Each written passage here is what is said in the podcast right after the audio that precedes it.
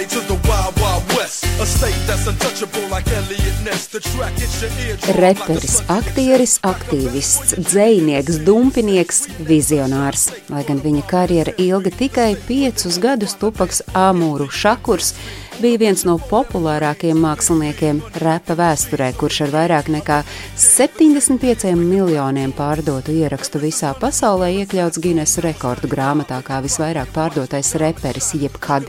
Liela daļa šakūru dziesmas ir par izdzīvošanu, rasismu, problēmām pasaulē un kariem.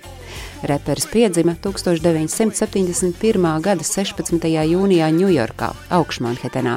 Mama bija melnādaino tiesību aktīviste un dēlu gaidot pabijusi arī cietumā.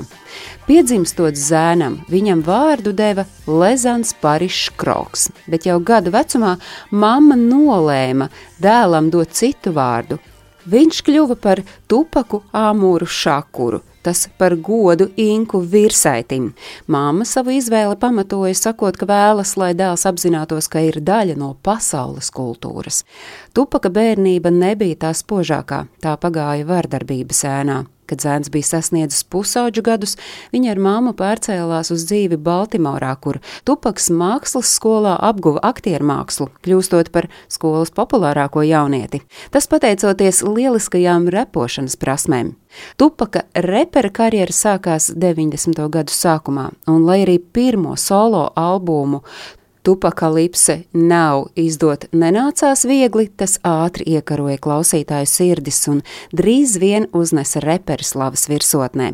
Zīmīgi, bet Tupaks bija viens no mūziķiem, kurš daudz runājis un pravietojis savu nāvi, tā piemēram gadu pirms aiziešanas viņa saulē Tupaks savu skatuves vārdu nomainīja uz Makiavelli, un viņš sāka repot par savu nāvi. Tikpat strauji kā uzleca repa zvaigzne, tā izdzisa. Liktenīgajā 1996. gada 7. septembra vakarā Tupaks devās uz Maika Taisona cīņu Lasvegasā.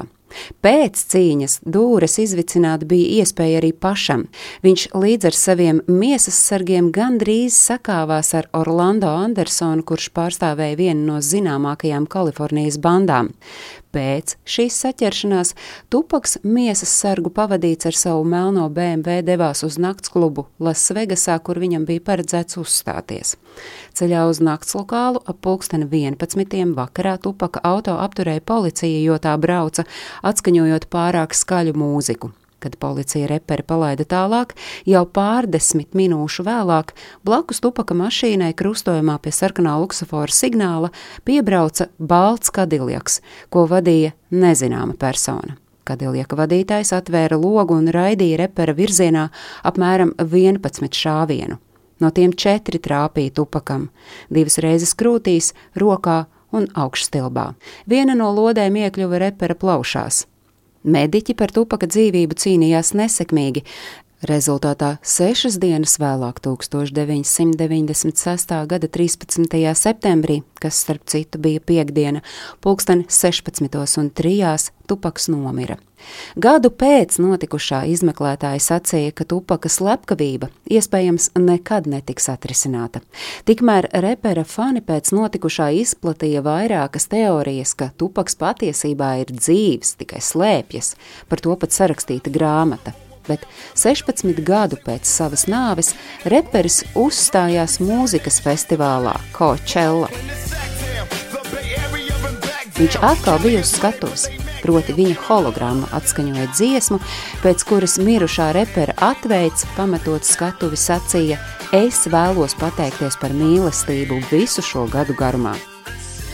Šakūra hologrāma izsauca neviennozīmīgu reakciju. Kāds fans apgalvoja, ka tas ir tik nepareizi daudzos līmeņos, taču bija sastopams arī pozitīvas reakcijas. Tas ir lieliski, vēstīja kāds tvīts, un es taču jums visiem teicu, ka tupaks nav miris, bija teikts kādā citā tvītā.